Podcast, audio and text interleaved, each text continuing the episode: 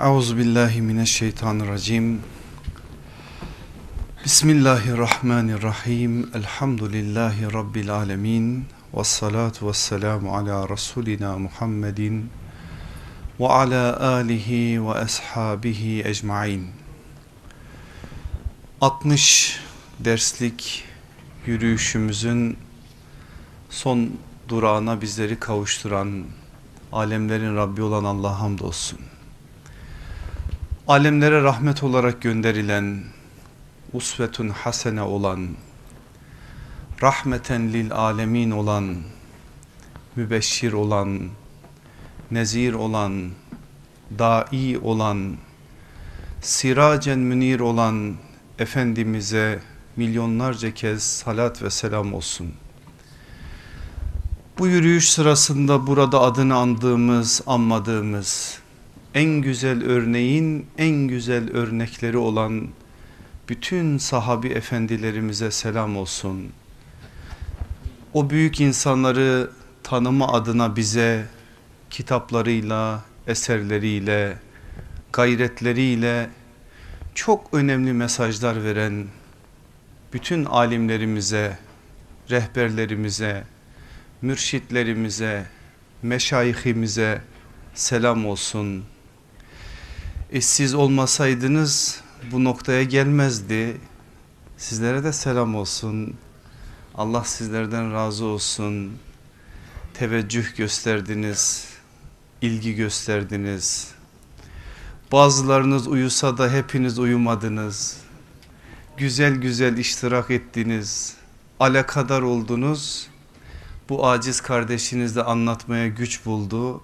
Bugüne kadar geldi İnşallah bugünden son güne kadar da daha güzel, daha verimli bir biçimde gider.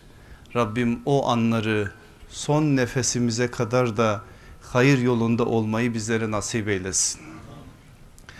Dönemin son dersinde gerçekten önemli bir bahis Allah denk getirdi. Tevafuk ya bu ya. Bugün hayatımızın ve imanımızın çok mühim bir azığını olmazsa olmaz bir esasını o olmadığı zaman başka şeyler oluyor onun yerinde. Olan her şeyde akıbet karartıyor Allah korusun. Akıbet karartmayacak, akıbetimizi şenlendirecek, aydınlatacak önemli bir meseleyi konuşmak için bir araya geldik. Geçen dersi hatırlarsanız riyadan bahisler açtık riya meselesi mühim bir meseleydi. Hepimizin hayatını da şöyle ya da böyle bir şekliyle etki altına alan sinsi bir hastalıktı. Bu sinsi hastalıktan kurtulma yollarına ait bazı şeyleri paylaştık burada. Bugün de devasını, ilacını daha detaylı bir biçimde anlama adına buradayız. Sözün perdesini yaşadığı zamanın Ebu Zeri olan bir büyük insanın güzel bir sözüyle açmak istiyorum. Şaki başlamış, Said bitirmiş o yolculuğu. Kervanlar vurup onu bunu rahatsız ederken Allah'ın hidayet nuruyla tanışıp bambaşka bir hayatın sahibi olan ve yaşadığı dönemde Abidun Harameyn diye bilinen iki haremin abidi diye bilinen isimlendirilen Fudayl İbni İyad rahmetullahi aleyh ondan bahsediyorum. Onun bir sözünü aktaracağım şimdi size. Diyor ki o büyük insan insanların hatırı için ameli terk etmek riya. Onları memnun etmek için amel etmek şirk bu iki durumdan kurtulmak ise ihlastır. Biraz farklı yaklaşıyor Fudayl İbni İyad. Aslında aynı kapıya çıkar bu ifadeler ancak biraz daha farklı bir pencere açarak böyle bir tanımda bulunuyor. Biraz tefekkür etmeniz için ben sözü size emanet edeceğim. İnsanların hatırı için ameli terk etmek riya, onları memnun etmek için amel etmek şirk, bu iki durumdan kurtulmak ise ihlastır. kurtuluşu, devayı, ilacı o da bize böyle beyan ediyor. Hatırlarsanız geçen ders 3 bahis açtık. Riyanın tanımı üzerinde durduk. Neden insan riyakar olur? Neden bu sinsi hastalığa düçar olur? Bu çerçeveden bir şeyler söyledik. En sonda bu sinsi hastalıktan nasıl kurtulunulur? Onun ona ait de bir şeyler söyledik. Ve beş tane önemli noktaya dikkatlerinizi çektim. Hatırlamakta ve tekrarlamakta fayda var. Birincisi ihsan ve ihlas ile örülü bir kulluk. İkincisi muhasebe ve kalp ayarına dikkat edilen bir bilinç. Üçüncüsü beklentisiz ve pazarlıksız bir hayat. Dördüncüsü salih ve sadıklarla beraber olunan bir meclis. Beşincisi iltica ve dua ile süren bir yürüyüş. Biz bunların dört tanesini geçen ders biraz olsun anlamaya çalıştık. Bugün ihlas ve ihsan ile örülü bir kulluk. Aslında konumuz bu ama biz konumuzun serlevhasını nasıl belirlemiştik? Riyanın devası ihlas, ihlasın kaynağı ihsan. İhsanla ihlas arasındaki bağı da söyledik. Ancak burada o serlevha bize bir şey veriyor. Bir çok önemli bir mesaj veriyor. Riyanın devası ihlas ama ihlasın olabilmesi için aslında ihsana ihtiyaç var. Çünkü ihsan şuuru istenilen oranda olursa Allah'ın izniyle zaten ihlas olacaktır. İhsan şuurunun olduğu yerde ihlas zaten kendiliğinden gelecektir. Dolayısıyla bugün biz bu iki kavram çerçevesinden riya hastalığının derdine derman arayacağız ve hayatlarımızda var olan kulluk kalitesinin aşağılara doğru düşüşüne biraz olsun ilaç arayacağız. Biraz olsun bu manada elde ettiğimiz bu bilinç ve şuur ile inşallah yenileneceğiz. İnşallah şu yaz günlerinde bunun tefekkürünü yapacağız. Rabbim en başta bana nasip eylesin. Sonra sizlere nasip eylesin. Söylenen her sözü üzerimize almayı bizlere kolaylaştırsın. Duyup da uyuyanlardan etmesin. Duyup da uyanlardan etsin. Gereğini yerine getirenlerden etsin ızdırap haline getirsin bize. Her duyduğumuz hakikat bizi rahatsız etsin. Şöyle bizi bir sallasın kendine gel desin ve kendimize getirsin ki kulluğu Rabbimizin istediği seviyeye inşallah vardırmış olalım. Mevla hepimize kolaylaştırsın. İki Kur'ani kavram ihlas ve ihsan. İkisinin üzerinde de biraz durup sonra sizi örnekler üzerine getirmek istiyorum. İhlas kavramı hulus kökünden ya da halas kökünden gelen bir kavram bir kelime. Hulus köküne şöyle bir anlam veriyor sözlüklerimiz. Bir şeyi içine karışmış böylece değerini düşürmüş başka şeylerden temizleyip arındırmak demektir. Bir daha vereyim bu tanımı. Bir şeyi içine karışmış böylece değerini düşürmüş başka şeylerden temizleyip arındırmak demektir. Bu sözlük anlamına uygun bir biçimde bir terim anlamı verir yine kitaplarımız bize o da şu ibadet ve iyilikleri riya ve çıkar kaygılarından arındırıp sadece Allah için yapmaya ihlas denir. Sadece ve sadece Allah içinse eğer o amel İhlas suresidir. Kur'an'da bu süre bu isim bir sürenin ismidir değil mi? İhlas suresi diyoruz o süreye. Peki İhlas suresi dediğimiz ve hepimizin bildiği o sürenin içerisinde bir tek yerde ihlas geçer mi? Geçmez. Ne geçer de orada o sürenin adı İhlas suresi olmuştur? Orada geçen şu din sadece ve sadece Allah'ındır aslında o sürenin bir ismi de tevhid süresidir. Ahad olan, samet olan, doğmamış, doğrulmamış olan bir Rab'den bize bahis açar. Dolayısıyla sen böyle anlarsan eğer İhlası elde edersin.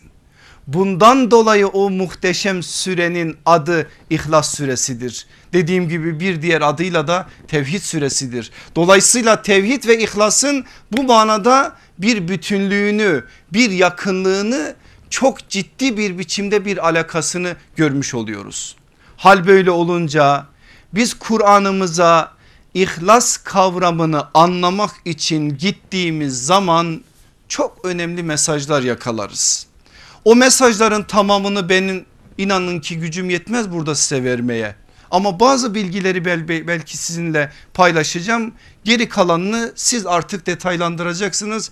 Bazı yerlere siz ulaşacaksınız. Benim verdiğim bazı bilgiler sizin arkasından vararak ulaşabileceğiniz diğer bilgileri inşallah getirmiş olacak. Biz ihlas kelimesinin, ihlas kavramının neticesi olan yani sahibini muhlis kılan bu manada ayetleri dikkate alırsak 20 tane ayet önümüze çıkar. Muhlisen, muhlisune, muhlisine, muhlesen bunun altını çizeyim bir bakın ne demek bu. Bir de marife ile gelirse yani el muhlisine şeklinde gelirse 20 tane ayet var Kur'an'da bu şekliyle ifade edilen. Bu 20 ayetin en temel birkaç mesajını paylaşmak isterim sizlerle. Bunlardan bir tanesi şu. Kur'an dinin Allah'a has kılınarak sadece gönülden yapılan ibadetleri Allah'ın kabul edeceğini beyan eder. Bakın Bakara 139'a Zümer suresi 3 11 14'e Beyyine suresi 5. ayete ki yine bu baş çerçevede başka ayetlerde var. İkinci mesaj şu Kur'an tüm peygamberlerin ihlas üzere olduklarını ama özellikle karşılaştıkları imtihanlar sebebiyle iki peygamberin muhlis olduğunu bize beyan eder. Bu iki peygamber kimler size kim aklınıza geliyor? Söyleyin bakalım. Kim? Hazreti Eyüp, Hazreti İbrahim. Evet. İmtihanları en şiddetli olanlardır aslında burada. Evet aklınıza belki Eyüp aleyhisselam gelir ama Eyüp aleyhisselamın imtihanı kendiyleydi. Evet Hazreti Yusuf ve Beni İsrail gibi azgın bir kavme gönderilen Hazreti Musa. İki peygamberin muhlis olduklarına Kur'an özellikle dikkat çeker. Bu da aslında imtihanın şiddetinin artması bir şekliyle ancak ihlasla göğüslenebilecek bir şey olduğuna bir işarettir. Bunun delilini de vereyim Meryem suresi 51 Yusuf suresi 24. Üçüncüsü Kur'an şeytanın tüm insanları saptıracağı ancak ihlaslı kullara fazlaca tesir edemeyeceğini beyan eder. Hicr suresi 40. ayet. Buradaki bu mesajı aleyhissalatü vesselam Efendimiz İhya'da ve başka hadis kitaplarında başka kitaplarda geçen bir hadisinde beyan buyurduğu üzere şöyle bize tefsir eder. Aslında bu ayetin mesajını sallallahu aleyhi ve sellem biraz daha açıklıyor.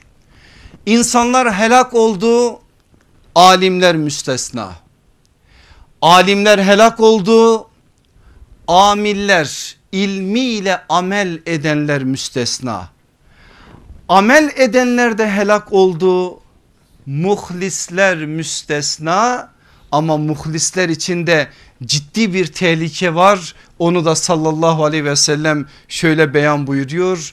El muhlisune ala hatarin azim.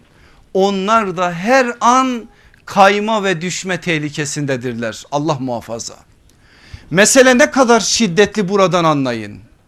Bir adam ben muhlisim, ihlas sahibiyim diyorsa o adamda ihlas yoktur. Ben ihlas sahibiyim diyen adamın nifak çizgisine yakınlığı daha fazladır.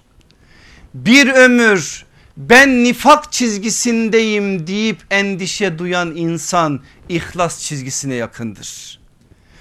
Onun için işte ulema bu manada nifak korkusunun her daim bir mümin yürekte olması gerektiğini söylüyor. Bundan dolayı sahabenin en büyük korkusu neydi? Ben münafık mıyım korkusuydu. Hazreti Ebu Bekir gibi Ayşe anamız gibi Hazreti Ömer gibi Hazreti Hanzala gibi onlarca isim böyle bir korkuyu yüreklerinde taşıyorlardı. Neden? Gerçek manada o endişe insanı ihlasa sevk eder de onun için. İşte Kur'an da burada bu gerçeği beyan ediyor. Ancak bir avuç insan yani muhlis kullar şeytanın saptırmayacağı kullar olacak. Allah bizi de o zümreye dahil etsin inşallah. Dördüncüsü Kur'an Allah'ın şiddetli azabının insanların çoğunu kuşatacağını bundan sadece ihlaslı kulların istisna tutulacağını beyan eder. Saffat suresinin 40. ayeti 74. ayeti 128. ayeti. Beşincisi Kur'an kafirler inkarcılar kerih görseler hoşlanmasalar bile ihlaslı kulların gönülden Allah'a kulluk edeceklerini beyan eder.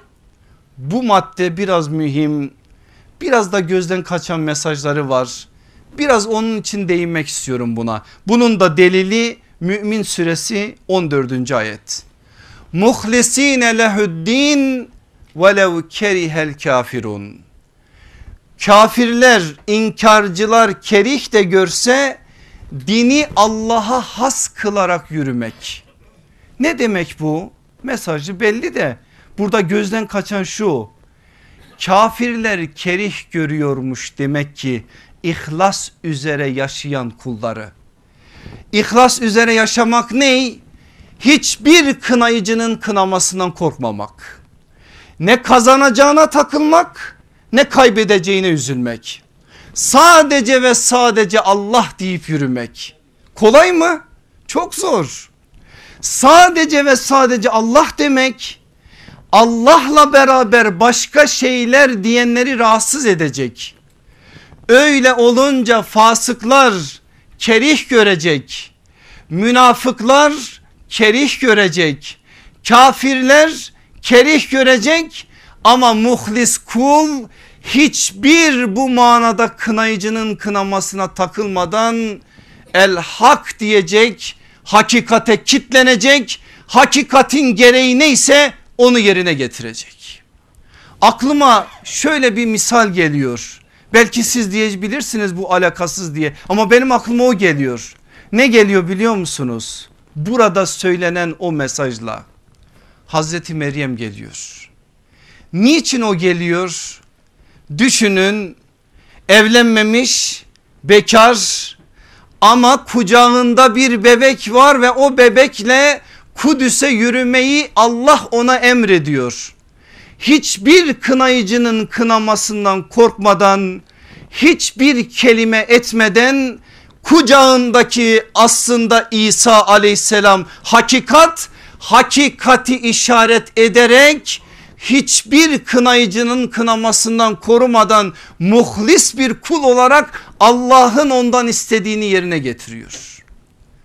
Öyleyse benim aziz kardeşlerim bütün dünya bu tarafa baksa bu tarafa bakmak hataysa niye bütün insanlar buraya bakıyor ben de oraya bakayım demeden hakikat bu taraftaysa hiçbir kınayıcının kınamasından korkmadan hakikate yüz çevirmenin adıdır işte muhlis olmak. Kolay mı zor mu? Vallahi zor. Çok zor. Ama işte biz böyle bir kullukla mükellefiz. Bu ızdırabın altında inlemekle mükellefiz. Hakkın hatırı alidir. Hiçbir hatıra feda edilmez diyerek hakikat üzere yürümekle mükellefiz. Hiçbir kınayıcının kınamasından korkmadan kafirlerin kerih görmelerine takılmadan dostlar küsecek cahiller dil uzatacak Falanca şunu diyecek filanca şunu diyecek bunların hiçbirine takılmadan hakikat neyse velev ki tek başına kalsan o hakikatin gereği neyse onu yerine getirmek ihlas üzere yürümektir. Rabbim böyle bir ufku bizlere nasip eylesin. En azından isteyelim ızdırabını çekelim. Olma adına gayret içerisinde olalım da bu manada bizi Rabbim sevk etsin inşallah. Aziz kardeşlerim aklınızda kalsın diye İhlasın tanımlarına ait birkaç şey vermek istiyorum size. İhlas her türlü riyadan arınmaktır. İhlas her türlü bulanıklıktan saflaşmaktır. Artık neyse bu bulanıklık aslında ihlas halis kılmak hulus dedik ya o kökten saf olmak hiçbir karıştırmayı kabul etmemek her türlü bulanıklıktan saflaşmakta bu. İhlas her türlü engelden kurtulmaktır. Sırtında yük mü var? At onu. Neyse bu yük. Bir şeyler söylenebilir ama bakarsınız başka yerlere çekilir bu sözler yanlış anlaşılır. Siz anlayın herkesin yükü ayrı herkesin engeli de ayrı. Neyse seni riyaya sevk eden o sana yük. İşte onu sırtından at ki o manada ihlasa ulaşabilesin. İhlas her türlü engelden kurtulmaktır. İhlas her türlü nifaktan sıyrılmaktır. İhlas her türlü aldatmaktan beri olarak samimiyeti kuşanmaktır. Sonuncusunu bir daha söylüyorum. İhlas her türlü aldatmadan beri olarak samimiyeti kuşanmaktır. İhlasla alakalı söyleneceklerle bu kadarla iktifa edelim. Gelelim diğer Kur'ani kavramımız olan ihsana. İhsan kavramının kökü husn. Husn güzel olmak manasında. Sözlüklerimizin bu köke verdiği anlamın iki veçesi, iki yüzü var. Nedir bu biliyor musunuz? Biri başkalarına iyilik etmek, diğeri yaptığı işi güzel yapmak. Her ne yapıyorsan işin hakkını vermek ihsandır aslında. Her ne yapıyorsan başkalarına o iyilikten nasip vermek, nasip ayırmak, o iyiliği başkalarına ulaştırmak ihsandır işte. Sözlükler bu manada verir anlamı. Ama sözlüklerin üstünde bir anlam veriyor sallallahu aleyhi ve sellem Efendimiz. Cibril hadisini hepiniz biliyorsunuz. Hazreti Cebrail geldi üstünde yolculuk emaresi yok. Bembeyaz bir elbiseyle gelip Mescid-i Nebevi'de dizini Allah Resulü aleyhissalatü vesselamın dizine yasladı. İman nedir diye sordu. Efendimiz imanın şartlarını söyledi. İhlas ne, ihsan nedir affedersiniz İslam nedir diye sordu. İslam'ın şartlarını söyledi. İhsan nedir diye sordu. İhsanın tanımını verdi Kıyametin alametlerini sordu daha doğrusu vaktini sordu sonra alametlerini sordu onları da söyledi sallallahu aleyhi ve sellem. Ama her söylediğinde her cevaba karşılık Cibril Emin nasıl bir yanıt veriyordu? Doğru söyledin. Sahabe merakla bekliyor. Kim bu yolcu? Üzerinde yolculuk emaresi olmayan bu insan kim? Hazreti Ömer soracak Cebrail aleyhisselam oradan gittikten sonra Efendimiz aleyhissalatü vesselam da gelen Cibril'di size dininizi öğretmek için geldi diyerek bu meselede onların da şahit oldukları o tablonun kahramanının vahyin emin meleği Cebrail olduğunu onlara beyan etti. Bu tarih yani o Cibril hadisinin gerçekleştiği tarih takriben hicretin 9. yılı. Yani işin artık kemal noktası olduğu için o manada da önemli bir mesaj taşır. Hatırlayın ilgili kardeşlerim hatırlayacaktır. Kader bahsinde biz o meseleyi biraz daha detaylı inceledik. Orada o rivayetlere bakarsınız. Ne dedi sallallahu aleyhi ve sellem İsa'nın tarifine? Allah'ı görüyormuşçasına ona kulluk etmen ona ibadet etmendir. Sen onu görmüyorsan da Allah seni görüyor. İhsana bambaşka bir tanım getirdi aleyhissalatü vesselam Efendimiz. Neymiş ihsan? Allah'ı görüyormuşçasına ona kulluk etmek. Böyle bir ufuk, böyle bir seviye gerçekten yakalanması kolay mı? Bu nasıl elde edilir? Bu üzerinde durulması gereken bir mesele. Ama elde eden birisinden bir cümleyi aktarayım size. Siz bulun o cümlenin sahibi kim? Görmediğim Allah'a ben kulluk etmem. Bunu söyleyen kerremallahu veçhe ifadesinin duasının sahibi olan Hazreti Ali'dir. İhsan şuurunu öyle bir anlamış ki böyle bir karşılık veriyor. Görmediğim bir Allah'a iman etmem. Peki Hazreti Ali şu gözlerle mi gördü Cenab-ı Hakk'ı? Hayır. Nasıl bir gözle gördüğünü dersin en sonunda Hazreti Muaz'ın diliyle size söyleyeceğim. Siz anladınız ama onu oraya havale edelim. Aynı Ali Hazreti Ali şu sözü de söyleyecek. Gaybin perdeleri açılsa benim yakinimden imanımdan hiçbir şey değişmez. Çünkü şöyle bir seviyede duruyor. Yukarısı yok ki ulaşabilsin.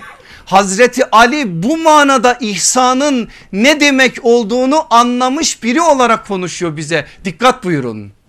Peki aziz kardeşlerim bu sadece Hazreti Ali için geçerli bir şey mi? Birçok sahabe efendimiz için geçerli. Tabi'in neslinin sahabeyi bize anlatırken kullandıkları bir cümle var. Şöyle bir ifade kullanıyorlar. Çok ilginç bir ifadedir. Gerçekten üzerinde bunun da düşünülmesi gerekir. Onlardan birine yarın öleceksin deseydiniz vallahi hayatlarında hiçbir değişiklik olmazdı. İster misiniz aynı soru bize söylensin? Onlardan birine yarın öleceksiniz deseydiniz bir şey değişmezdi hayatlarında. Niye? Çünkü zaten yarın ölecekmiş gibi yaşıyorlar. Her namaz son namazı böyle bir kulluk seviyesini yakalayan bir insan ölümle zaten barışık ölümü öldürmüş o. İhsan şuuru zaten böyle bir şuur kazandırır insana. Ölümü öldüren birisi, ölüme bu manada hazırlıklı olan birisi ihsan şuurunun kendisine kazandırdığı seviye çerçevesinden yürür. Öyleyse eğer sahabenin ve sahabe içerisinde Hazreti Ali'nin bu sözleri bize onların dünyasına ait bazı mesajları anlamamız açısından da belli mesajlar vermeli. İhsanın imanla olan bağını biraz daha net anlayabilmemiz için imanla o bağına ait birkaç şey söyleyeyim size. İhsan imanın özüdür. İhsan imanın ruhudur. İhsan imanın cevheridir. Buradaki cevheri merhum Akif'in kullandığı anlamda kullanıyorum. İmandır o cevher ki ilahi ne büyüktür.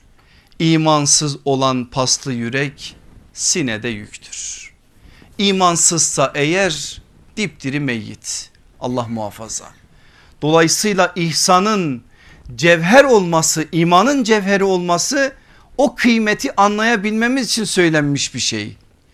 İman ihsan imanın kemalidir. Kemal noktasıdır orası. Sonuncusu da şu ihsan imanın lezzetidir. Hatırlayın imanın tadı dersini bunu da onun karşısına yazın.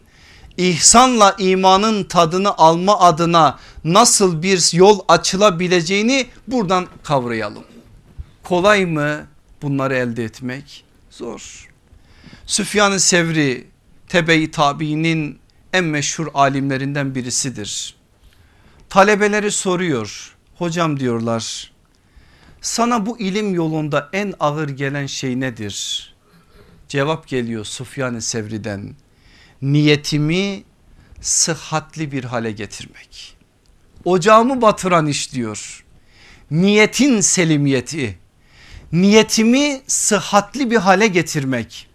Niyetimde var olan arızaları gidermek. Bu çok zor. Zaten o olduğu zaman ihsan gelecek niyetin selimiyeti kazandıracak onu. İşte Süfyan-ı Sevri o bilgiye bizi götürüyor. Aleyhissalatü vesselam Efendimiz de zaten onu dememiş miydi? Ameller niyetlere göredir. O hadisi şöyle de tercüme ederler ki bu tercüme de doğrudur. Amellerin değeri ancak niyetlere göre belirlenir. Niyet amelin değerini belirler. Nasıl? Şöyle bir örnek vereyim ki daha iyi anlaşılsın.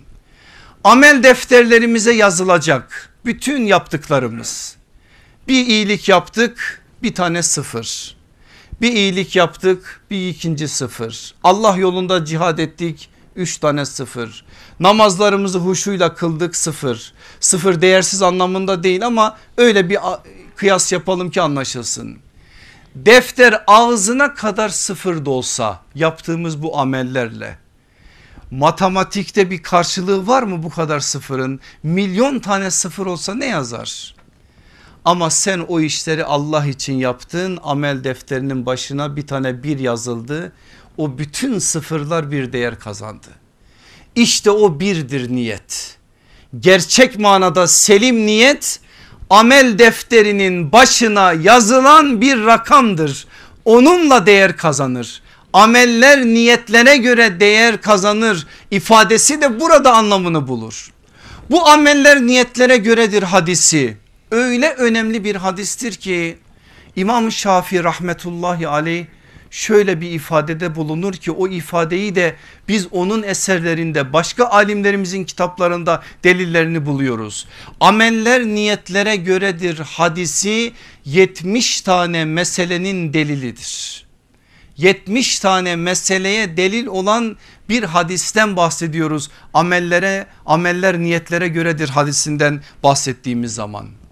Ebu Davud ne diyor büyük muhaddis sünen sahibi bir insan dört tane hadis ile dini meselelerde ihtiyacı olan şeylere cevap bulabilir. Dört tane hadis din meselesinde dini meselelerde onun için kifayet edebilir. Nedir o dört hadisten bir tanesi? Ameller niyetlere göredir. Bir diğeri nedir? Kişinin kendisini ilgilendirmediği şeylerden vazgeçmesi Müslümanlığının güzelliğindendir. Bir diğeri nedir? Kendi nefsi için istediğini kardeşi için istemedikçe kamil manada mümin olamaz. Bir diğeri nedir? Haramlar bellidir, helaller bellidir. Ortada kalanlar da şüphelilerdir. Onları terk etmekte kişinin dininin güzelliğindendir. Bakın dört tane hadis Ebu Davud'un tespitiyle aslında din dediğimiz o binayı tesis edebiliyor. Allah Resulü aleyhissalatü vesselam cevamiül kelim olarak bize böyle beyanda bulunuyor. İşte o dört tane hadisten bir tanesi de ameller niyetlere göredir hadisidir. Hepinizin tanıdığı Bediüzzaman'ın da çok güzel bir ifadesi var. Herhalde 40 yaşlarında söylüyor bu sözü. Diyor ki 40 sene ömrümde 30 sene tahsilimde yalnız 4 kelime 4 kelam öğrendim. Nedir o 4 kelime? İsim, mana, niyet, nazar. Dört tane kelimeden bir tanesi ney? Niyet. Aslında Ebu Davud'un verdiği mesaja da uygundur bu. Biraz üzerinde tefekkür ettiğiniz zaman bağları göreceksiniz. En önemli hadis kitabımızı açıyoruz. Hangisi o? İmam Bukhari'nin sahihi Allah kendisinden ebeden razı olsun. Gerçekten peygamber dünyasını bize taşıyan çok önemli çok muteber çok da mühim olan bir eserdir İmam Bukhari'nin sahihi ki Kur'an'dan sonra en fazla İslam dünyasının şimdiye kadar kıyamete kadar da itibar ettiği kitap olmuştur. Açıyoruz ilk bölüm Bed'il Vahiy. Vahyin başlangıcı. İlk hadis hangisi? Ameller niyetlere göredir. Peki vahyin başlangıcı olan bir bölümde ilk hadis olarak ameller niyetlere göredir hadisi niye olsun? Biliyorsunuz İmam Bukhari'nin sahihini şerh eden iki önemli alimimiz var. Biri İbni Hacer el Askalani onun Fethul Barisi meşhurdur. Şafi fıkhına göre yapılmıştır o şerhi. Bir yeri de, diğeri de bizim hemşerimiz Ayın taplı Antepli olan Bedrüddin Ayni Umdetül Kari o da Hanefidir. Hanefi fıkhına göre yapmış. İkisi de neden İmam Bukhari'nin vahyin başlangıcı olan bir baba ameller niyetlere göredir hadisiyle başladığını sorgulamışlar ve çok ince ayrıntılar çok ciddi malumatlar bize ver, vermişler. Siz onlara müracaat eder bakarsınız. Ben oradan bir tek şeyi söyleyeyim. Alimlerimizin işin nihayetinde vardıkları nokta şu. İmam Bukhari o ilk hadisi kendi nefsine yazdı. Bir yola çıkacak ilim yoluna ameller niyetlere göredir. Kendi niyetinin selimiyetini ortaya koyma adına onunla başlıyor o meşhur ve önemli eserine. Yine biz mesela İmam Nevevi'ye bakıyoruz. Riyazu Salihini biliyorsunuz çok meşhur onun. Aynı hadisle başlar. İmam Nevevi Erbain hadisi oluşturur. Erbain hadisin 40 hadisin ilk hadisi de ameller niyetlere göre hadisidir. Bu önemli bir şey. Bunların hepsinin mesajı aslında ihsan ve ihlasın oluşturulması adına bize verilmiş mesajlar. Hadisi bir okuyalım. Hadisin bize vereceği çok önemli bir mesaj var, mesajlar var. İnneme el amelu bi niyet. Ameller niyetlere göredir. Biz bu ilk cümleyi biliriz genelde ama hadis devam ediyor. Ve inneme li kulli imrin maneva. Herkese niyet ettiği şeyin karşılığı vardır. Yani kimin niyeti neyse elde edeceği karşılıkta odur. Femen kânet hicretuhu ilallahi ve rasulihi fe hicretuhu ilallahi ve rasulihi. Kimin hicretinin niyeti Allah ve Resulüne hicret ise onun alacağı odur. Yani o hicretiyle Allah ve Resulüne hicret etmiş olur. Kânet hicretuhu lid dünya yusibuha ev imraatin yenkihuha fe hicretuhu ila ma hacere ileyhi. Kimin hicreti de bir kadın ile evlenmekse ya da dünyalık bir menfaat elde etmekse onun hicreti de niyetinin üzerinden hicret ettiği şeye göredir. Şimdi bu hadisi okuduğumuz zaman bir sebebi vurut olduğunu anlıyoruz. Niye böyle bir şey söylenmiş olsun? Bakıyoruz hadis kitaplarımıza şöyle bir bilgi bize veriliyor. Muhacirlerden Ümmü Kays isimli bir hanım. Muhacir gerçekten çok farklı bir isim. Çok da güzel mücadeleci bir İslam kadınıdır. Sahabi hanımlar içerisinde bilinen birisidir. O hanım sahabi hicrete niyet ediyor.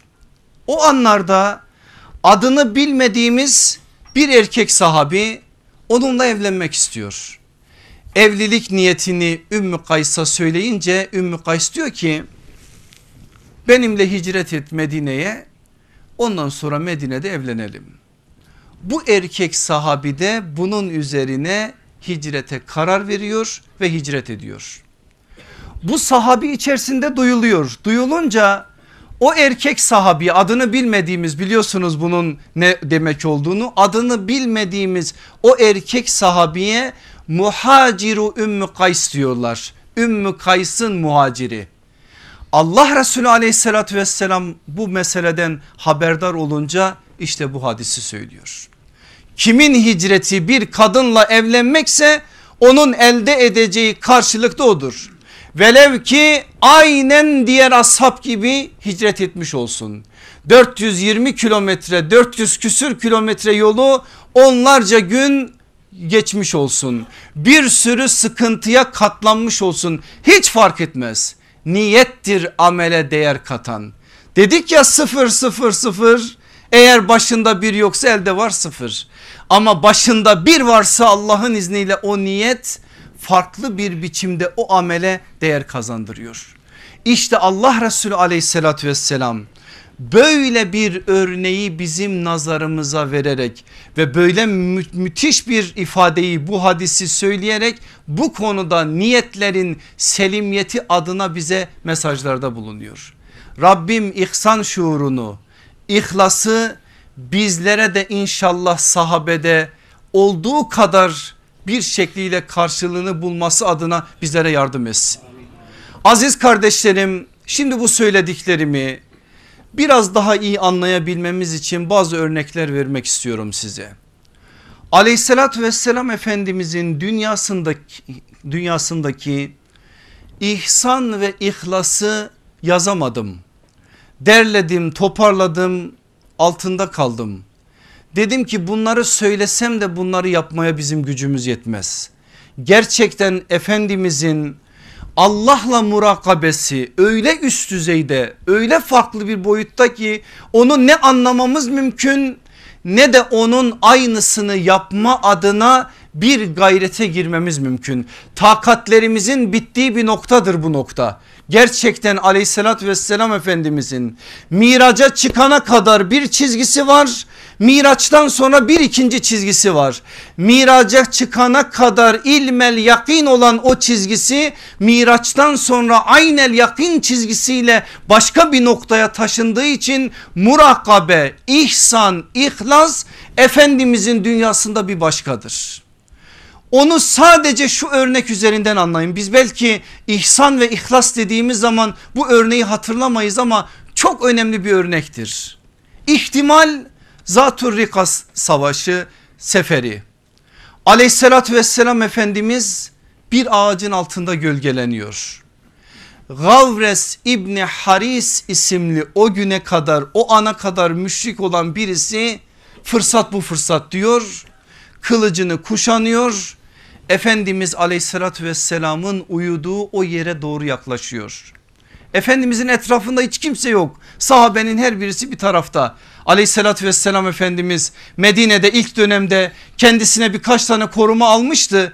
Ayetler bu manada indikten sonra ihsan şuuru işte o manadan sonra o mesajlar geldikten sonra Efendimiz hiçbir sahabeye kendisini koruması adına bir talepte bulunmuyor. Böyle bir talebi olan sahabe efendilerimizi de kendi yanından uzaklaştırıyor. İşte orada da yalnız başına uyuyor. Gavres kılıcını çekiyor ve şu sözü söylüyor. Beni benim elimden seni kim kurtaracak? Allah Resulü aleyhissalatü vesselam o ihsan şuurunun en zirve halinde en üst noktası o anda hiçbir tereddüt yok. Durup düşünme yok. Ufacık bir korku yok. Tek bir kelime var Allah diyor.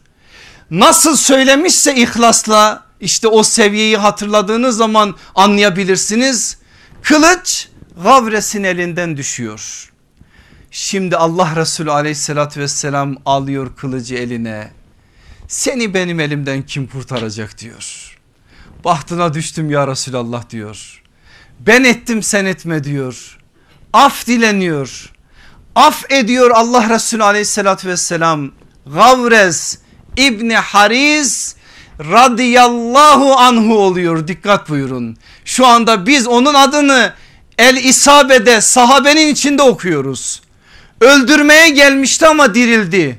Neyle diriltti sallallahu aleyhi ve sellem onu? ihsan ve ihlas şuuruyla. Bunun gibi yüzlerce örnek bir gecesini anlatsanız böyle bir gündüzünü anlatsanız böyle başına bir iş geldiği zaman o işin arkasından semaya karşı gözlerini kaldırıp semadan o işle alakalı ayetleri beklemesi böyle. Sahabeden birileri bir şeyler yaptıkları zaman Allah Resulü aleyhissalatü vesselamın yüreğine korku düşmesi ya da iyi şeyler yapıldıkları zaman bu manada sevinmesi böyle. Yani Efendimiz aleyhissalatü vesselam ihsan ve ihlas noktasında zirvelerde durulacak bir noktada. Onun için ben en güzel örneğin en güzel örnekleri üzerinden size bazı mesajlar vermek istiyorum. Sahabe bize biraz daha yakın.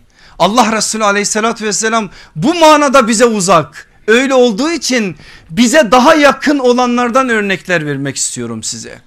Defaatle anlattığım bir şeyi bu vesileyle bir daha hatırlatmak istiyorum. Hayber'in sonrası ihtimal yine bu manada net bir bilgi olmadığı için söyleyemiyoruz. Esirler gelince Medine'ye Hazreti Fatma da Hazreti Ali'nin ısrarıyla gelip babasından bir köle bir hizmetli istiyor biliyorsunuz hadiseyi. Ama Allah Resulü aleyhissalatü vesselam vermiyor. Suffa'nın ehli açken babanın sana vereceği yok diyor.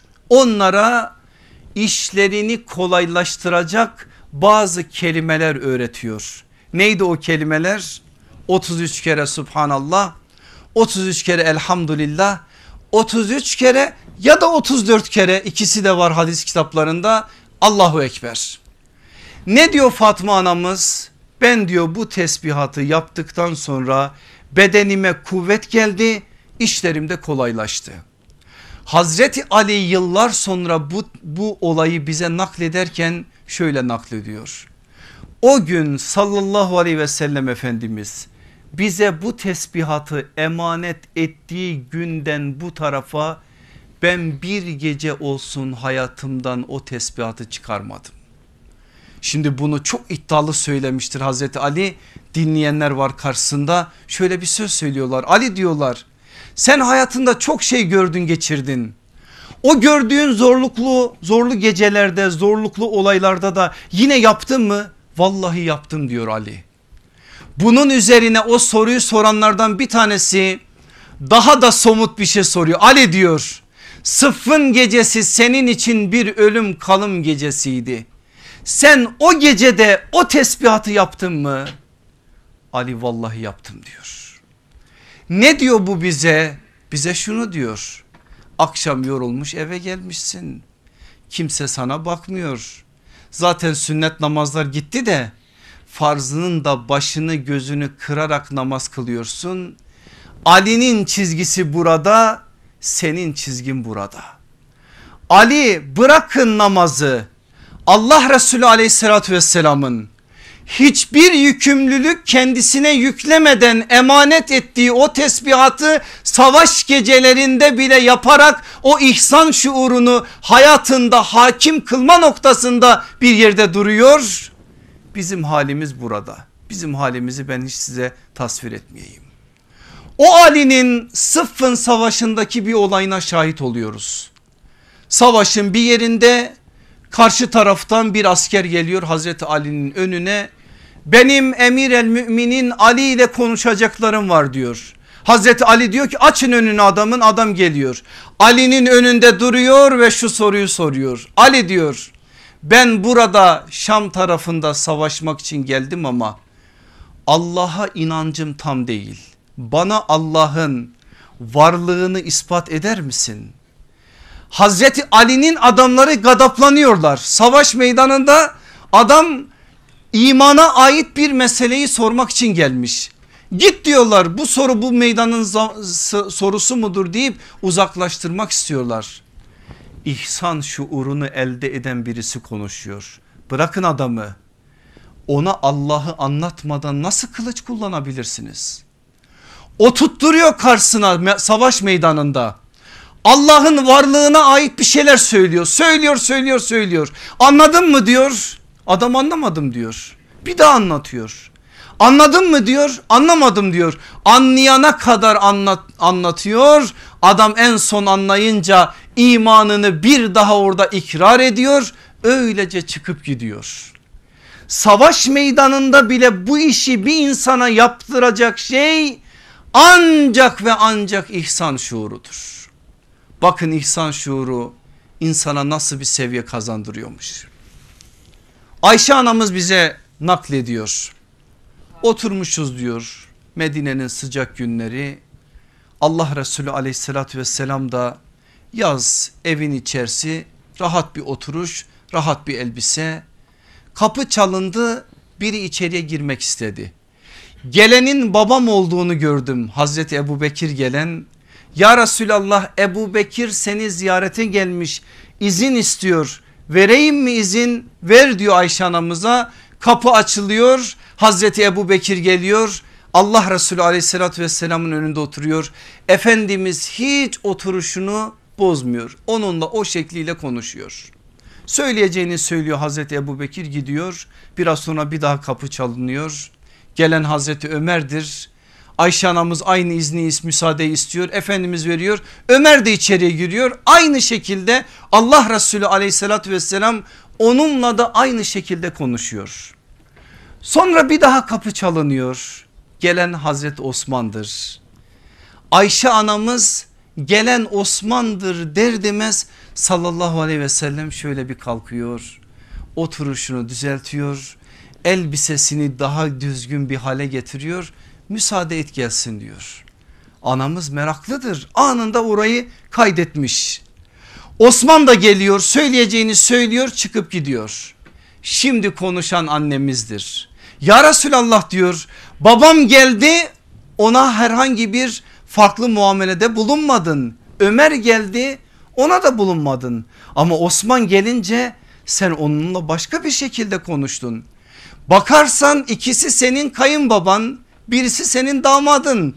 Normalde mesele rahatlıksa Osman'ın yanında daha rahat olman lazım. Niçin böyle yaptın? Ne diyecektir sallallahu aleyhi ve sellem Efendimiz? Osman meleklerin haya ettiği insandır. Ben onunla nasıl öyle konuşabilirim? Meleklerin haya ettiği insan bu ifade muhteşem bir ifade. Bu ifade Allah Resulü aleyhissalatü vesselamın dilinden dökülünce sahabe durur mu? O hayrı kapmak adına Osman'ın arkasındadırlar. Osman Allah aşkına söyle ne yapıyorsun ki Allah Resulü aleyhissalatü vesselam senin için böyle bir şey söyledi. Hazreti Osman diyor ki ben ne yapabilirim ki? Siz ne yapıyorsanız ben de aynısını yapıyorum. Hayır diyorlar bir şey var ki Allah Resulü aleyhissalatü vesselam senin için böyle bir ifade kullandı. Osman radıyallahu an ne yaptığını bize söylüyor. Diyor bir farkım yok ama eğer bir fark varsa herhalde şudur. Sizin içinizde ben nasılsam evde Rabbimle baş başa kaldığım zaman da aynıyım.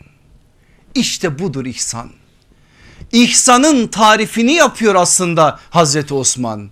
Sizin içinizde nasılsam Rabbimle baş başa kaldığım zaman kapalı kapılar ardında hiçbir göz benim üstümde yok. Hiç bakan yok. Bakıp taltif edecek yok. Bakıp eleştirecek yok. Ben kendi nefsimle baş başa kaldığım zaman bile Allah'ı görüyormuşçasına bir kulluk çizgisi yakalamak meleklerin haya ettiği bir insan seviyesine insanı getiriyor.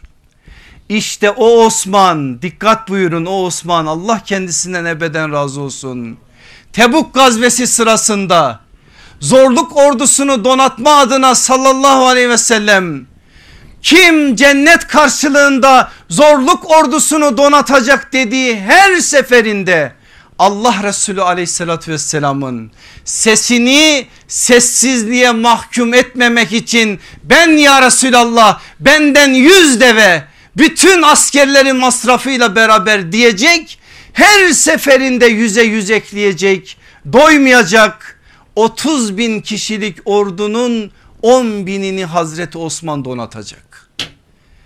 Böyle bir insan nasıl kalkar da bir aklı başında bir mümin Hazreti Osman'a dil uzatır. Hazreti Osman böyle bir insan ve Allah Resulü aleyhissalatü vesselam Osman'a bundan sonra bir vebal yoktur diyecek. Öyle bir kamet ortaya koymuş ki gelecekteki günahlarının kefaretini bile ödemiş. Onun yaptığı infak gelecekteki günahlarının bile kefareti olmuş. Allah Resulü aleyhissalatü vesselamın dilinde böyle bir karşılığa böyle bir müjdeye muhatap olmuş. Allah aşkına ihsan şuuru olmasa verebilir misin? Yapabilir misin böyle bir şey? Biz bakıyoruz hayır adına hepimizin bir şeyleri var bir şeyler yapmaya çalışıyoruz. Bir hayır var. Hemen gözümüz şöyle bakalım bir falanca ne verecek? Falancanın vereceği seni ne ilgilendirir? Sen sana bak. Bak ihsan şuuru bunu söylüyor. Ve o anda sana neyse ne kadarsa neyse o hayır adına yapılacak şey onu ortaya koy ve onu yap. Onu yap ondan sonrası içinde kapıları kapat. Verenlerden bir tanesi de Abdurrahman İbni Af. Bakın ihsan şuuruna bakın Abdurrahman İbni Af'ın. Bir çuvalı doldurmuş getirmiş. Allah Resulü aleyhissalatü vesselamın önüne bırakıyor. Efendimiz şöyle alıyor avuçluyor bırakıyor avuçluyor bırakıyor. Abdurrahman diyor bunları sen mi getirdin? Evet ya Resulallah diyor utançla. Çıkıyor dışarıya. Münafıklar hem kendileri vermez hem de verene engel olurlar. Şöyle bir şaya yayıyorlar. Abdurrahman Allah için vermedi. Sırf Resulullah'ın takdirini almak için verdi. Bu söz Abdurrahman İbni Af'ın kulağına gelince ne diyor biliyor musunuz? Ben buramı biliyorum. Kim ne derse desin. Ben şuramda biliyorum kimin için verdiğimi. Münafıkların o sözü bana ne yazar diyecek. Yine orada ihsan şuuruna ait bize çok önemli bir şey söyleyecek. Verenler var benim aziz kardeşlerim bir de veremeyenler var. Onlardan da ben size iki tane örnek söyleyeyim. Onlardan bir tanesidir Ulbe İbni Zeyd. Allah kendisine ebeden razı olsun. Yok elde avuçta hiçbir şey yok. Cihada katılacak binecek bineği yok. Bir tek kılıç sahibi bile değil. Geliyor Allah Resulü aleyhissalatü vesselam o zorluk ordusunu donatacağı zaman geliyor ya Resulallah vallahi yok ama katılmak istiyorum ne olur beni de donat ben de geleyim beni bu hayırdan mahrum etme diyor. Allah Resulü aleyhissalatü vesselam yok diyor olanları vermiş ulbeye kalmamış. Ulbeye kalmayınca normal standartlarda iş nedir? Gidip evinde oturur iş biter. Ama öyle değil. Bir şey öğretiyor. İhsan şuuru olursa eğer olmayan da imkansız gibi gözüken de nasıl imkan sahasına taşınır ona ait bir şey öğretiyor bize. Şimdi bizim gençlerimiz biz de bazen yapıyoruz Allah bizleri de affetsin. Cihat, şehadet söylüyoruz konuşuyoruz mesajlar atıyoruz o biçim mesajlar atıyoruz. Altlarını doldurup doldurmadığımızı Allah bilir o biçim sözler söylüyoruz. Onları yaptıktan sonra eve gidince o gece Rabbimizle baş başa kaldığımızda o ölümü öldürmek düğünlerin taçlı gelini şehadet demek ah şehadet vah şehadet deyip bir şeyler söylemek bunlar güzel. Peki baş başa kalınca da Rabbimizle gerçekten yüreğimizin ta derinliklerinden Allah'ım ölümlerin en güzeli olan şehadeti bana da nasip et diyerek gecenin belli bir bölümünde gözyaşlarımızla seccadetimizi ıslatırsak eğer gerçek manada mücahitiz o zaman. Yoksa o sadece klavyede kalırsa onun adı başka bir şey biliyorsunuz. Ben söylemeyeyim onu. Ulbe İbni Zeyd işin aslını bize öğretiyor. Allah Resulü yok dedi geldi. Gecesi şöyle geçiyor. Açtı ellerini yalvarıyor Rabbine. Allah'ım diyor. Senin peygamberin infaka teşvik ettiği benim de infak edeceğim hiçbir şey yok ve ben şimdi yokluktan dolayı cihada katılamıyorum. Böyle bir hayırdan mahrum kalıyorum. Bunun üzerine ağlıyor. Ne yapacağım Allah'ım bana bir çıkış yolu. Bu hayırdan beni mahrum etme Allah'ım diyor. Dua dua yakarıyor ama yok yok olunca yok işte bir şey bulamıyor. Sabaha yakın bir saatlerde biz Ulbe İbni Zeyd'i secdedeyken bir anda kalktığı halini okuyoruz kitaplarda. Kalkmış gözünden yaşlar akıyor ellerini açmış ve şöyle bir dua ediyor. Allah'ım diyor senin peygamberin infaka teşvik etti verenler verdi ama benim verecek bir şeyim yok.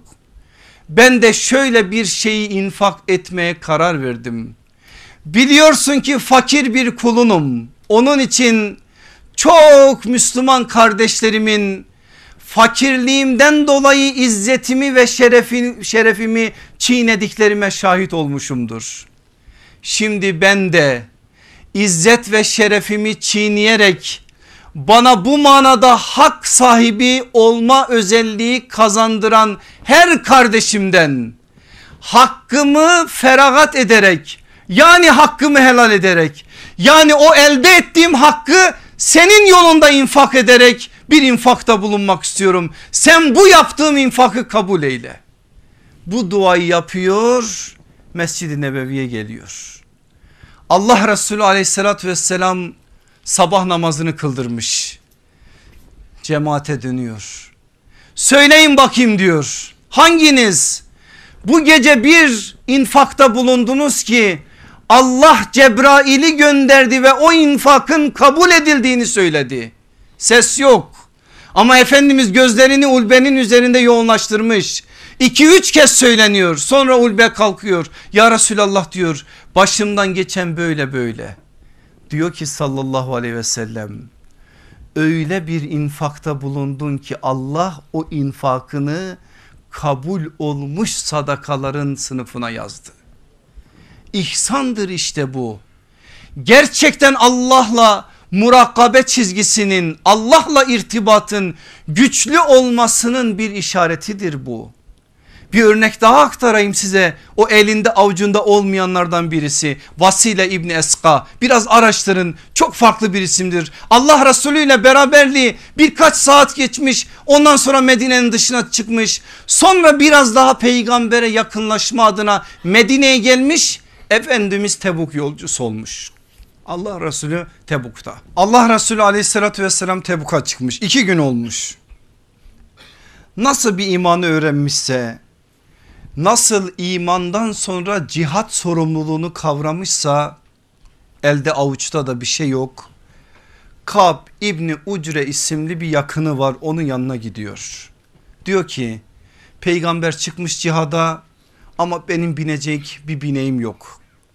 Bana bir tane at ver ne kadar ganimet alırsam o ganimetin hepsini sana vereyim.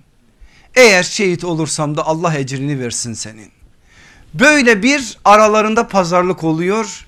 Kab İbni Ucre ona bir at veriyor. Varıyor Allah Resulü aleyhissalatü vesselam onu görünce çok memnun oluyor. Cihada katılıyor. Arkasından Efendimiz onu bir sefere gönderiyor. Epey bir ganimetle dönüyor. Ganimetleri de alıyor sallallahu aleyhi ve sellemin huzuruna geliyor. Efendimiz ona ganimetinden payını veriyor. Sahabe borcunu ödeyen adamdır. Sözünü tutan adamdır. Cihat bile olsa başkasını mağdur etmeyen adamdır. Anında alacağını almıştır Medine'ye geri dönmüştür. Döner dönmez Kab İbni Ucre'nin karşısındadır. Anlaşmamız şöyle sana ganimetten vereceğim pay şu diyor. Kab İbni Ucre diyor ki ben evet başta sana bir şey söylemedim ama şimdi sen getirdin diye ben sana söyleyeceğim söz şudur. Tek bir şey almam senden o benim ecrim ve mükafatım olsun. Allah senin ecrini de mükafatını da ziyadeleştirsin. Anlayın buradan Vasile İbn Eska'nın Allah Resulü aleyhissalatü vesselamla o kadar az bir birlikteliğine rağmen ihsan noktasında erdiği noktayı ve cihat ordusu çıkmış olmasına rağmen arkasından sorumluluğunu düşünerek o cihat ordusuna katılma noktasındaki hassasiyeti. Size son bir örnek söyleyeyim de sonra Muaz İbni Cebel'e getireyim. İfk hadisesini hepiniz biliyorsunuz. Allah Resulü aleyhissalatü vesselamın dünyasında da zor bir hadise Ayşe anamızın dünyasında daha zor bir hadise. Ebu Bekir'in evinde de daha farklı bir hadise. Hadiseye girmeyeceğim. Bir aylık o yoğun ve zorlu imtihandan sonra Allah Nur suresinde ilgili ayetleri indiriyor. Efendimiz aleyhissalatü vesselam o ayetleri Mescid-i Nebevi'de okuyor.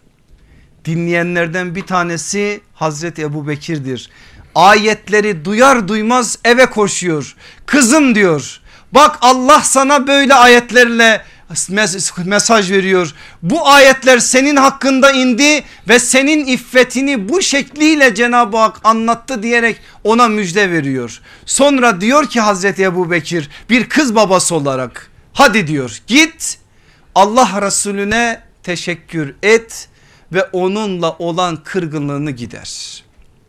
Ne diyor anamız? Anamız tam anadır. Vallahi tam anadır. Söz şudur. Elhamdülillah.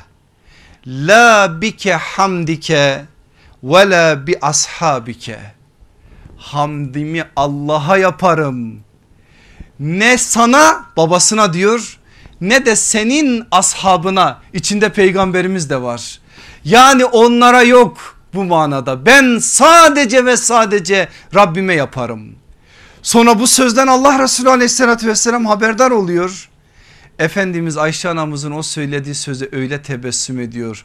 Öyle bir güzellikle karşılıyor ki Ayşe annemizin ihsan şuurunda vardığı o noktaya bir yönüyle takriri ile tasdikte bulunmuş oluyor. Sahabenin ihsan noktasında vardığı bu noktaları anladığınız zaman buna ne kadar ihtiyaç duyduğumuzu onun olduğu yerde ihlasın nasıl olabileceğini ihlasın olduğu yerde de riyanın olmayacağını siz bu örnekler üzerinden anlayın. Allah hepimizi anlayanlardan kavrayanlardan ve yaşayanlardan eylesin. Aziz kardeşlerim Muaz İbni Cebel'le bu bahsi kapatmak istiyorum. Bu dersle beraber 7 ders boyunca biz iman ahlakını öğrendik. İman ahlakına ait bütün mesajların arkasından size şimdi aktaracağım aktaracağım. Muaz İbni Cebel de ihsan şuuru noktasında sahabeden sahabenin gerçekten arzuladığı ve seviye itibariyle en üst seviyelerde olduğu bir noktayı yakalayan bir isimdir. Bakın oğluna söylediği söz en başta Hazreti Ali'nin söylediği sözle karşılaştırmalı okuyun ki meseleyi anlamış olasınız. Ne diyor biliyor musunuz oğluna? Oğlum insanlarla az Rabbinle çok konuş belki o zaman kalbin Rabbini görür. Demek ki gören bu göz değilmiş. Gören kalbin gözüymüş. Ama bunu elde edebilmenin yolunu da gösteriyor bize. Alimlerin alimi olan Muaz İbni Cebel. İnsanlarla az konuşacaksın. Ama Rabbinle çok konuşacaksın. Rabbinle böyle bir murakabe çizgisi yakalayacaksın ki kalbin Rabbini görsün. O ihsan şuuru dediğimiz elde edilmesi gereken o şuura bir şekliyle kavuşulmuş olsun. Benim asıl aktaracağım bu değil. Asıl aktaracağım Bukhari'de, Müslim'de onlarca hadis kitabında geçen şu rivayet. Bizzat Muaz İbni Cebel'in kendisi bize aktarıyor. Bir gün diyor Allah Resulü aleyhissalatü vesselam beni terekesine bindirdi. Yani bineğinin arkasına. Aramızda sadece bir ip vardı diyor. Ben de yaslanmışım ona Efendimiz aleyhissalatü vesselama daha yakın olma adına ve o şekilde gittik. Biraz Medine'nin dışlarına doğru. Biraz sonra sallallahu aleyhi ve sellem dedi ki ya Muaz ben dedim ki lebbeyk ya Resulallah. Sustu. Konuşmadı. Ben de sormadım. Biraz daha gittik. Le, ya Muaz dedi bir daha. Lebbeyk ya Resulallah dedim. Bir daha sustu. Biraz daha gittik. Üçüncü kez ya Muaz dedi. Lebbeyk ya Resulallah dedim. Allah Resulü aleyhissalatü vesselam konuştu Muaz dedi Allah'ın kulları üzerindeki hakkı nedir bilir misin? Muaz dedi ki Allah ve Resulü daha iyi bilir. Allah Resulü aleyhissalatü vesselam dedi ki gerçekten Allah'ın kulları üzerindeki hakkı ona ibadet etmeleri ve kendisine hiçbir şeyi ortak koşmamalarıdır. Bu sözü söyledi yolculuğumuza devam ediyoruz bir müddet sonra ya Muaz dedi lebbek ya Resulallah dedim. Bunu yaptıkları takdirde kulların Allah üzerinde hakkı nedir bilir misin? Ben yine Allah ve Resulü daha iyi bilir dedim. Allah Resulü aleyhissalatü vesselam da dedi ki onlara azap etmemesidir. Müjde büyük vallahi çok büyük. Muaz'ın kalbi yerinden çıkacak gibi oluyor duramıyor ve şöyle söylüyor ya Resulallah söyleyeyim mi bunu herkese? Allah Resulü aleyhissalatü vesselam biraz düşünüyor söyleme diyor. Eğer duyarlarsa tembellik yaparlar hayır işlerinde.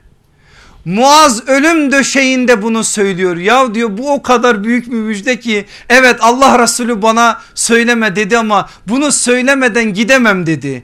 Ve ölüm döşeğinde bu hadisi rivayet etti bize. Allah kendisinden ebeden razı olsun. Bukhari'de Müslim'de onlarca hadis kitabında geçen bir hadis. Neymiş peki bizi kurtaracak şey? Allah'a ibadet etmek ve ona hiçbir şeyi ortak koşmamak.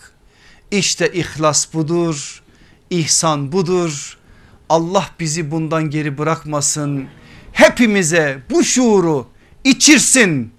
Öyle bir içirsin ki ihsan adına, ihlas adına ne varsa eksiğimiz bunları gidersin de hayatımızda var olan yanlışlıklar daha güzelleriyle inşallah şekillenmiş olsun. Aziz kardeşlerim bir dönemin böylece sonuna geldik. Her başın bir sonu var. Bu da başladı böylece bitti. Bitmeyecek bir hayat var. Allah o hayata da bizleri eriştirsin inşallah. Allah nasip ederse inşallah 10 Ekim 2015 Cumartesi günü bir cumartesi akşamı Haliç Kongre Merkezi'nde olacağız. O dediğim tarihte ve inşallah 82 il 82 sahabi projesinin kapanışını yeni bir projenin de tanıtımını orada beraberce şahit olup o şahitliğimizi ortaya koyacağız. Allah nasip ederse Kur'an yılı diye bir yıl ilan ettik. Kur'an sünnet bütünlüğünü nazara vermek için bu konudaki arızaları gidermek için bu konudaki var olan sıkıntıları biraz olsun ortaya koyup telafi etmek için böyle bir proje tertiplendi kardeşlerimiz tarafından. Ahlakı Kur'an davası Furkan denilecek. Mucize bir kitap, mucize bir nesil denilecek. İnşallah vahyin son muhataplarının üzerinden Allah'ın kelamı bir yıl çeşitli programlarla anlaşılmaya çalışılacak. 10 Ekim o cumartesi günkü buluşmadan sonra yine biz buraya geleceğiz. Cumartesi günlerimizde muhteşem ahlak adına ki bu yürüyüşümüzü devam edeceğiz. Bu seneki bu dersimiz 60. dersimiz oldu. Ben çıkardım programımı.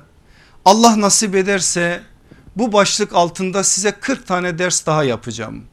İhtilaf ahlakını konuşacağız. Münazara ahlakını konuşacağız. Devlet ahlakını konuşacağız. Trafik ahlakını konuşacağız telefon ahlakını konuşacağız. infak ahlakını konuşacağız. Konuşacağız ve konuşacağız. Tam 40 ders. 100 derste de bitireceğiz Allah nasip ederse. 40 ders deyince sene 2 programı vermiş oldum ama bir sonraki seneyi de verdim. Sanki yaşayacakmışız gibi ama ne yapalım dua olsun inşallah Allah ömür verirse. Bir sonraki ders seneden de yaklaşık 12-13 hafta almış oluyoruz bu derslere.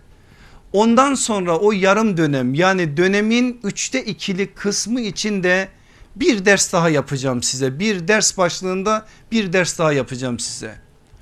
Öteden beri fırsat olsa da yapsam diye düşündüğüm bir dersi şimdiden açıklıyorum size. Yaklaşık bir buçuk sene var ama şimdiden söyleyeyim hiç önemi yok. Öteki hayat başlığında ölümden cennet hayatına cehennem hayatına dair o hayat devrelerini anlatacak bir ders yapmak istiyorum.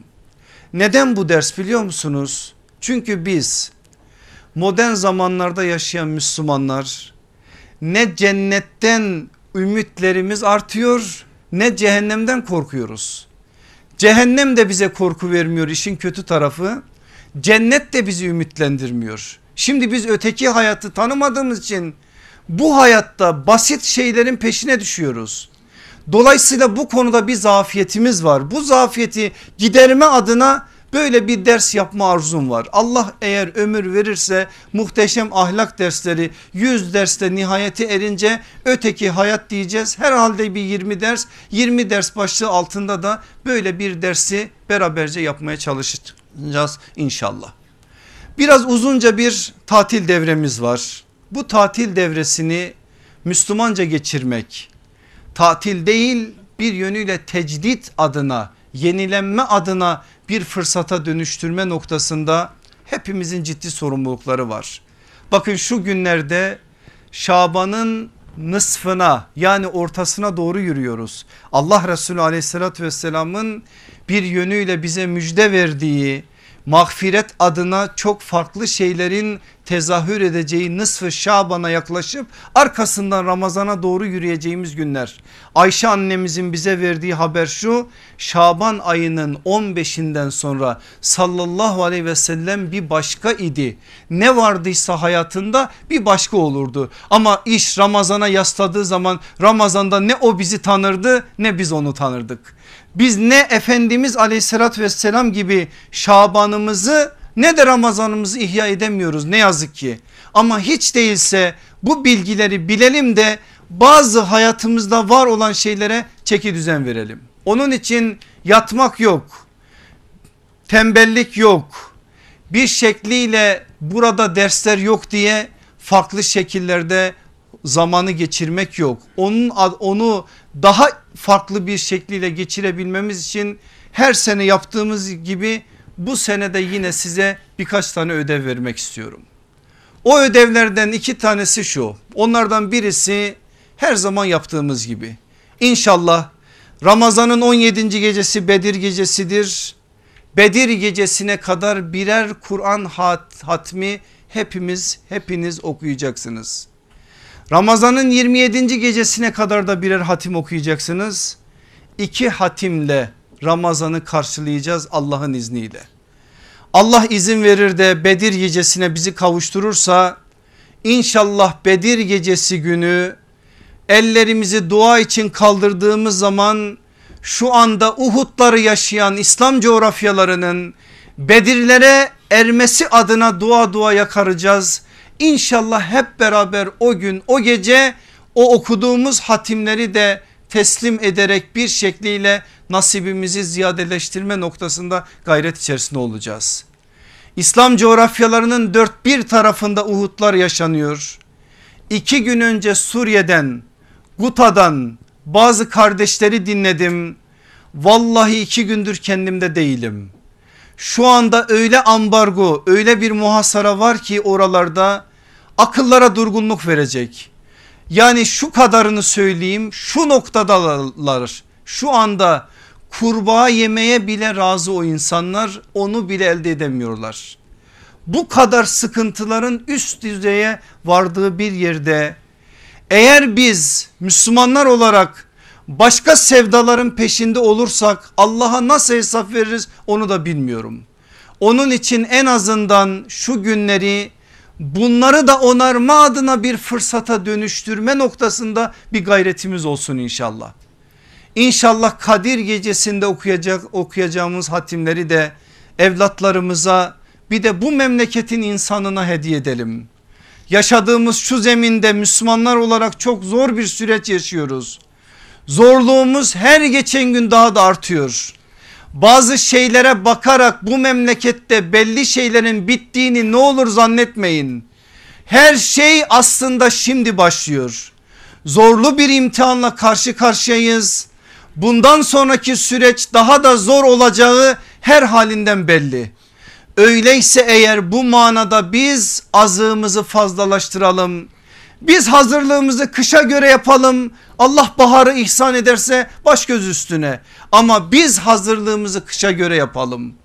Kışların çetin geçeceği belli.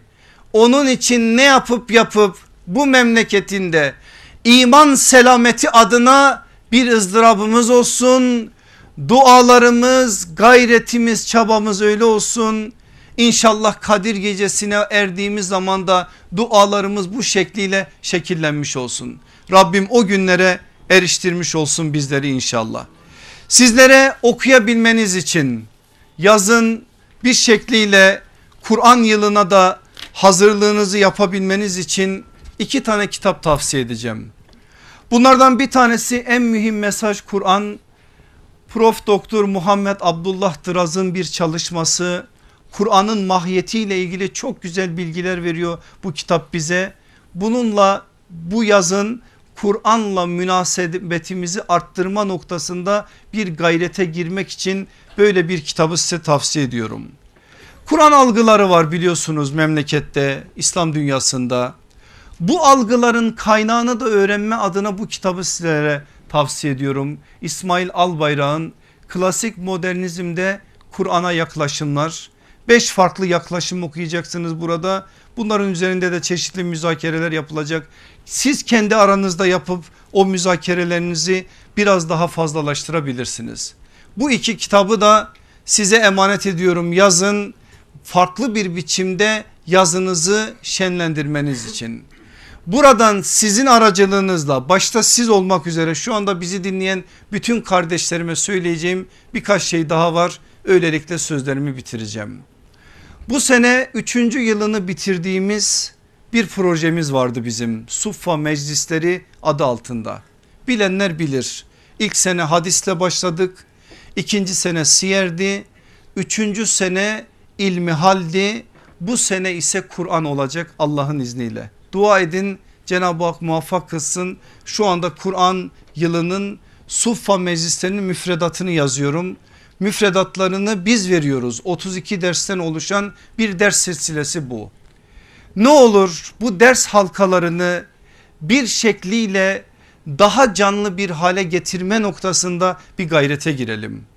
Artık biz bir araya geldiğimiz zaman o saatleri dakikaları boşa harcamaktan vazgeçip Allah'ın kitabıyla sorumluluklarımızla tanışma adına bir gayrete girelim. Buradan hepinize sesimi duyan herkese çağrım şu ne yapıp yapıp her tarafta bu meclisleri çoğaltma adına bir gayret içerisinde olalım.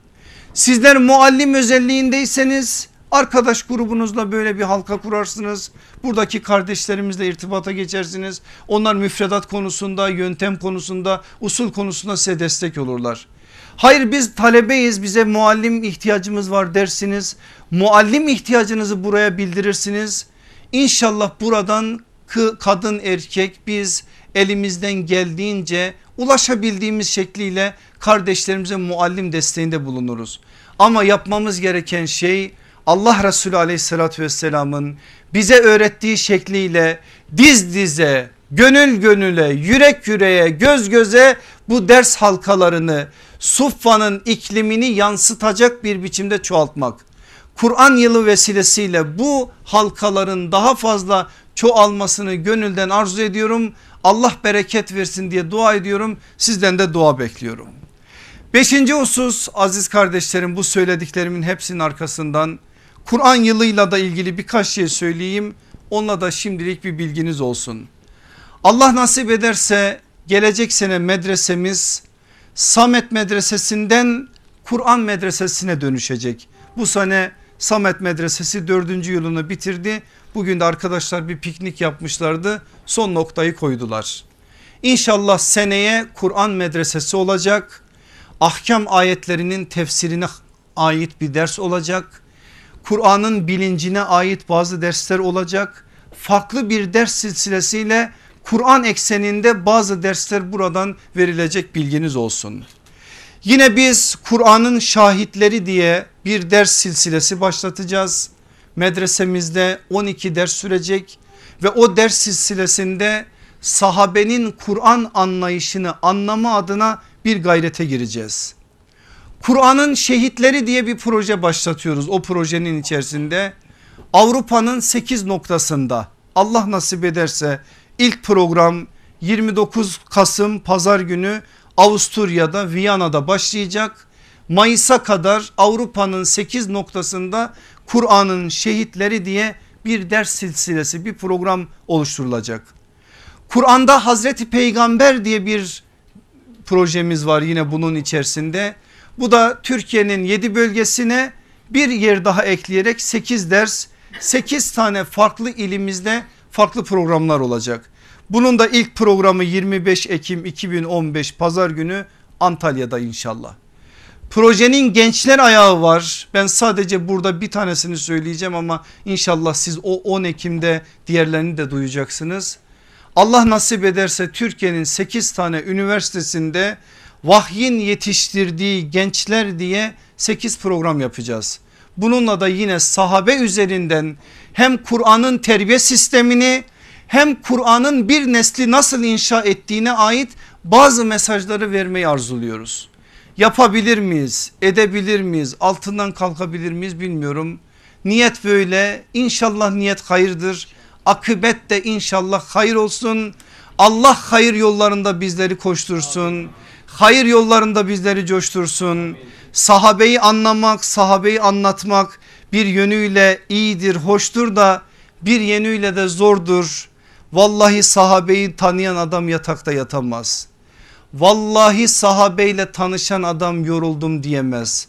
Vallahi sahabeyi tam anlamıyla anlayan adam bir dakikasını boş geçiremez ve yanan o yangını görür iman adına gayret içerisinde olur. Ben anlayan tanıyan biri olduğumu iddia etmiyorum. İnşallah siz onlarsınız onlardansınız Allah beni de sizlerin içerisine katmış olsun.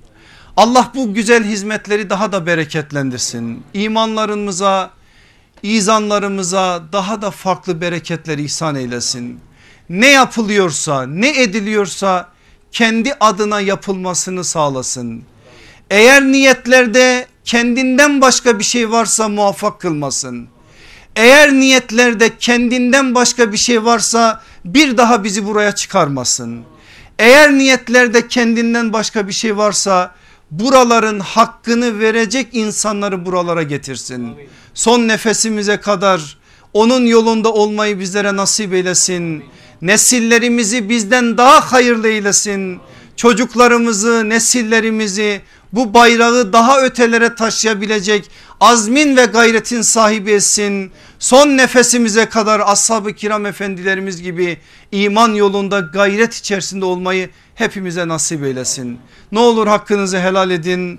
Varsa bir kusur varsa bir sıkıntı haklarınızı bu konuda helal edin. Olur ki sürçülisan etmişizdir bazen ineleymişizdir bazen bir şeyler söylemişizdir ama hayır adına konuşmaya çalıştık. Allah niyetlerimizin karşılığını bizlere versin ve bizleri daha güzel günlerde buluştursun inşallah. Velhamdülillahi Rabbil Alemin. El Fatiha.